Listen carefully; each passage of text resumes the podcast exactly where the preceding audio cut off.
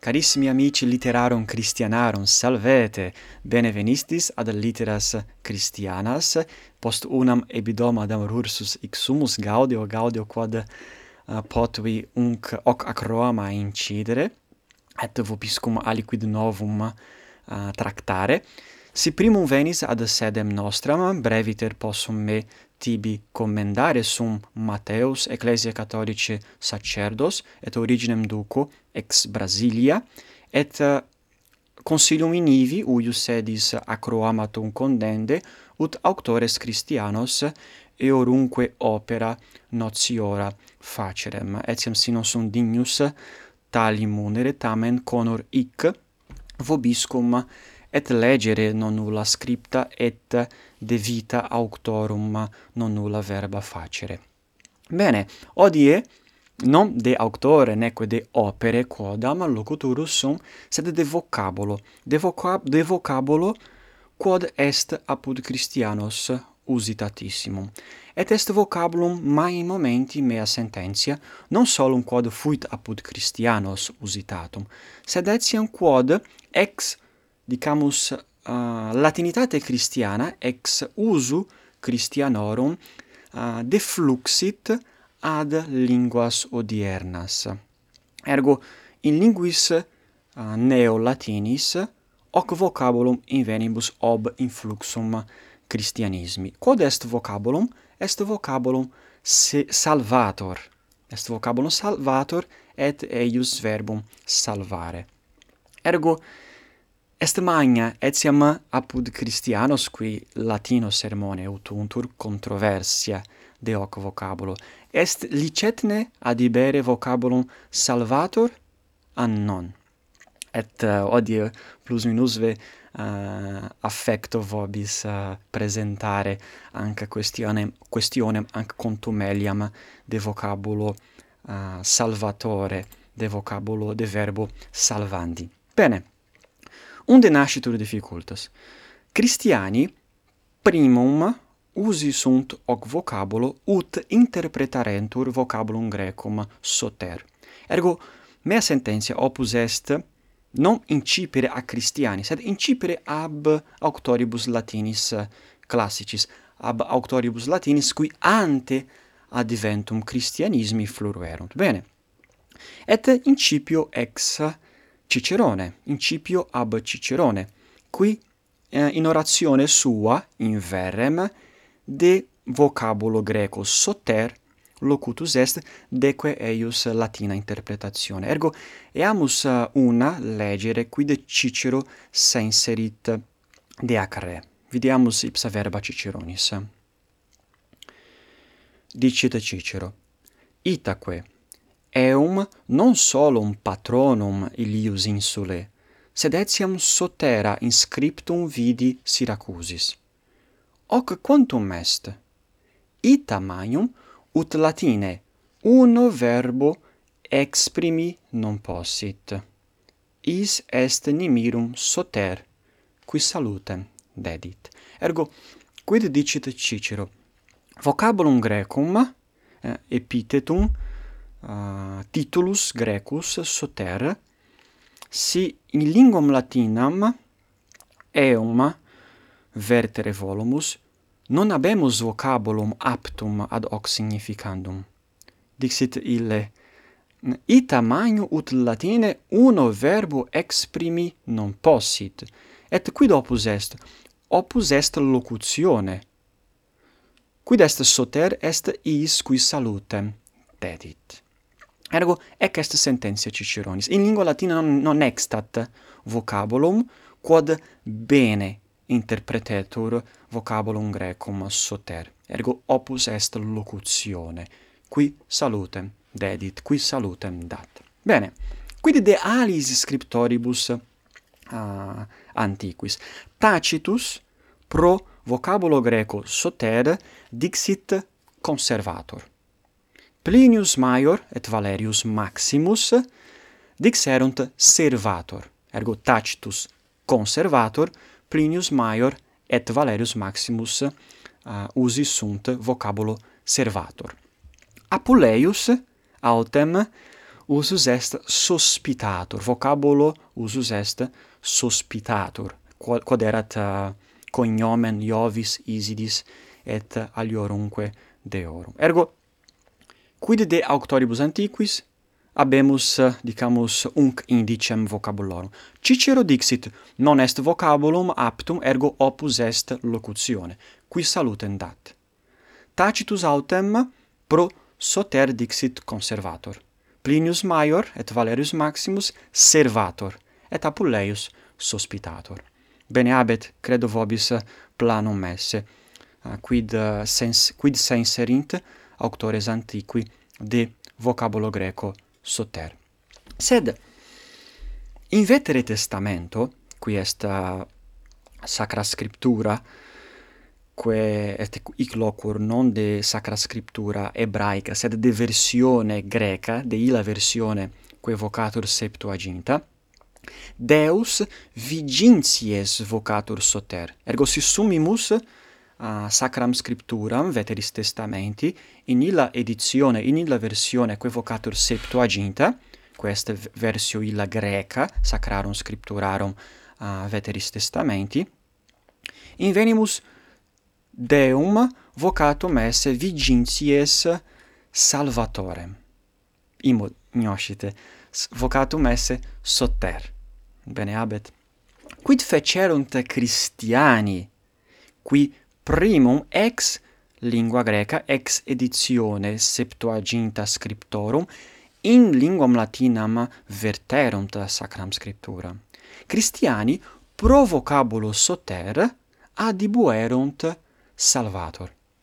Ergo vocabulum salvator apparuit apud Christianos afros qui primum interpretati sunt sacram scripturam ex lingua greca in linguam latina.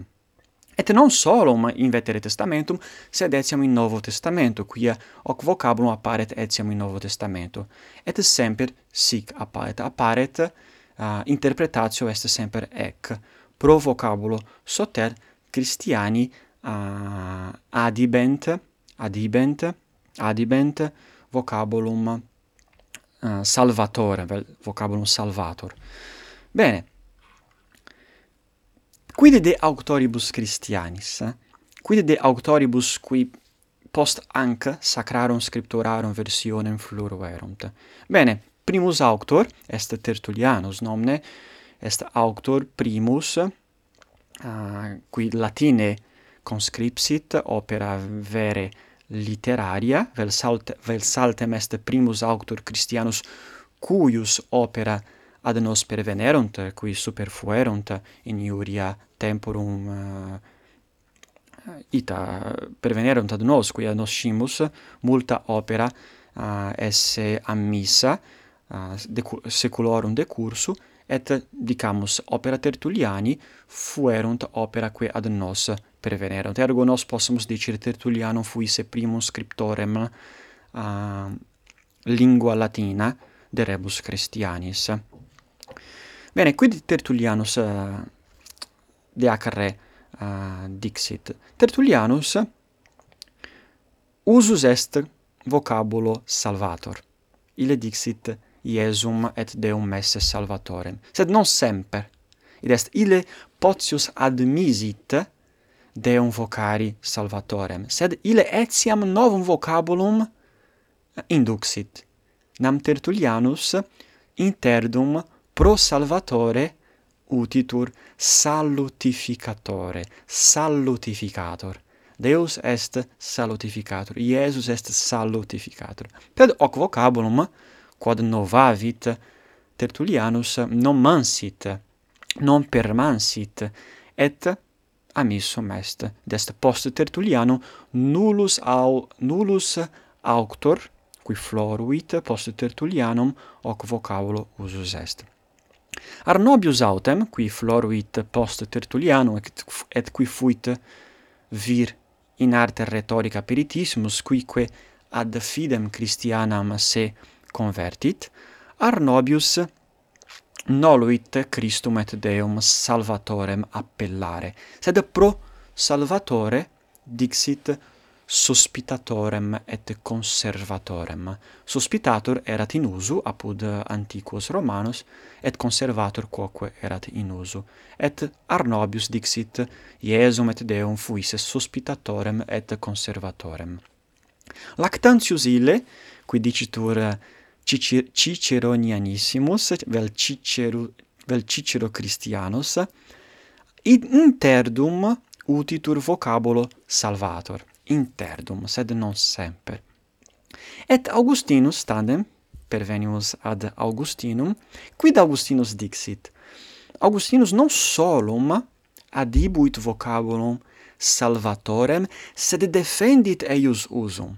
Ergo velium vobiscum legere quid Augustinus scripserit de ac re, quibus verbis Augustinus defendit usum vocabuli salvatoris. Videamus verba eius, verba Augustini in quodam sermone suo. Dixit ille, nec querant grammatici, quam sit latinum, sed Christiani querant, quam verum. Salus enim latinum nomen est salvare et salvator non fuerunt ec latina, ante conveniret salvator. Quando ad latinos venit, et ec latina fecit. Ergo, semper Augustinus eh, uh, dicamus ludit verbis, nomne, vocabulum salvator non fuerat, non, non erat apud, uh, apud Romanos. Sed cum salvator ad Romanos venit, vocabulum salvator apparuit. Plus minus nomne, hoc ile dixit nonne ante conveniret salvator non fuerunt ec latina, quando ad latinos venit ec latina fecit. Ergo, si locumur de novo homine, qui ad homines pervenit, quem non, non possumus nostris verbi significare, opus est nova verba excogitare. Ergo, Ah, uh, Christiani hoc fecerunt, excogitarunt novum vocabulum ad uh, Deum, ad unc titulum divinum significandum. Bene, ergo, ego possum dicere vocabulum qui quod maiorem sortem, maiorem fortunam consecutus est apud Christianos est vocabulum salvator, itaque ad sermones neolatinos pervenit. Sed, Apud Christianos seculorum decursu etiam dest extitit vocabulum servator.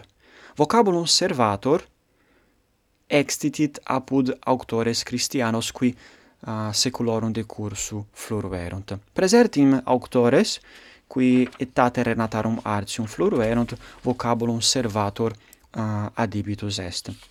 Et nostro tempore Pontifex Leo da tertius decimus, qui fuit in literis latinis versatissimus peritissimus, et qui multas enciclicas literas conscripsit, fere semper usus est vocabulo servator, vocabulo servatore. Ergo aduc est in uso, ergo possumus dicere Iesum et salvatorem et servatorem. Sed antequam uh, finem imponam, vel in vobis legere, verba cuiusdam humaniste qui floruit uh, in eunte seculo sexto decimo, et quid de acarello locutus est. Nam, erat in usu, et siam dicere Iesum servatorem, et multi fuerunt, qui etate renata Romatium ad, uh, adversati sunt vocabulo salvatori, quia non erat vocabulum vere latinum, et ille defendit uh, hic humanista, cuius nomen est Manutius.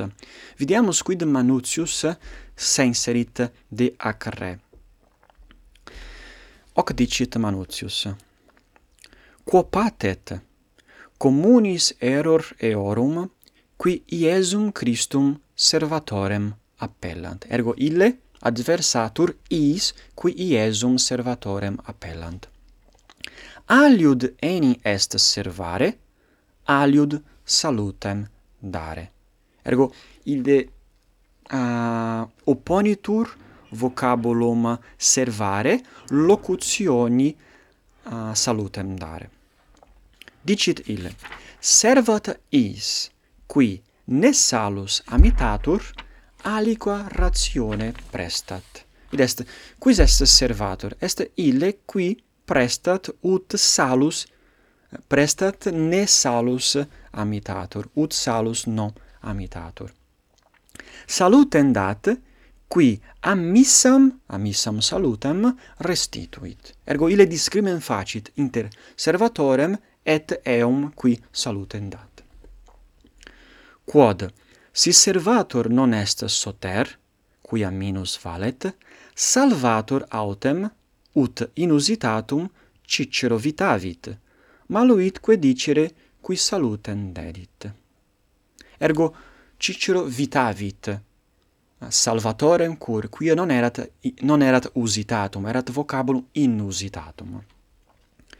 Nimirum de eo si loquimur, qui afflictum genus humanum non in eodem status servavit, sed a sempiterno interitu, ad perpetue vite bona perduxit, quod sumus Dei filius et fecit, et facere solus potuit, necesse est vel salvatorem appellare, quod soter Grece dicitur, usurpato in re nova novo verbo, quod veteres quoque probarunt, vel Ciceronis exemplo uti circumscriptione, et dicere is qui salutem dedit. Ergo, qui dicit Manutius, Manutius dicit, nos possumus eligere, vel dicimus salvatorem, quod est vocabulum, quod bene interpretatur vocabulum grecum soter, quodque optime aptatur ad munus Iesu Christi,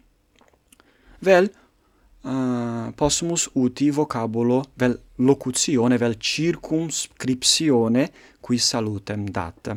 Quae fuit circumscriptio eh, uh, adibita a Cicerone. Quamquam dicit il circumscriptio ut interdum non commoda solum verum etiam necessaria videtur si iterata sepius et dignitatem amitit et satietatem parit. Ergo, si opus est iterare circumscriptionem locutionem, quid fit illa locutio ammite dignitatem. Ergo, possumus dicere cui salutem dat, sed fortasse necesse est eh, varietatem servare.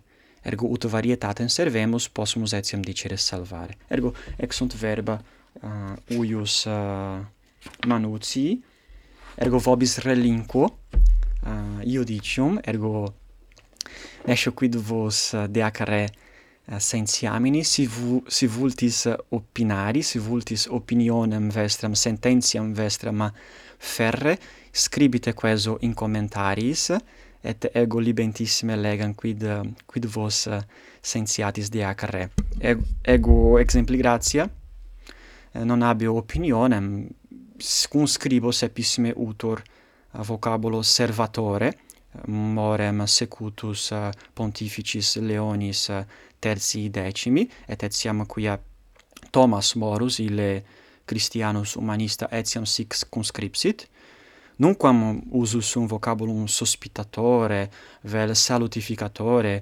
quales uh, excogitarunt et Arnobius et Tertullianus sed maxime sed sepe usus sum vocabulo servatore. Salvator alicum difficultatem abiut verum dicam. No nil impedit quam minus uh, quam uter si aliquid lo si aliquid scribo de rebus liturgicis sed si scribo de rebus christianis quae non pertinent stricte ad rem liturgicam ad scripta quae attinent ad liturgiam difficultatem abio et solio semper adibere vocabulum servatorem. Ergo, nescio, quid, quid vos sentiatis, dicitemi qui sum, sum cupidus, sum cupidus discendi vestram opinione. Ergo, hoc est quod vobiscum compartiri odi, odie velim, et bene, gratias vobis ago, quam plurimas, et spero uh, brevi rursus vobis convenire. Valete com maxime sodales.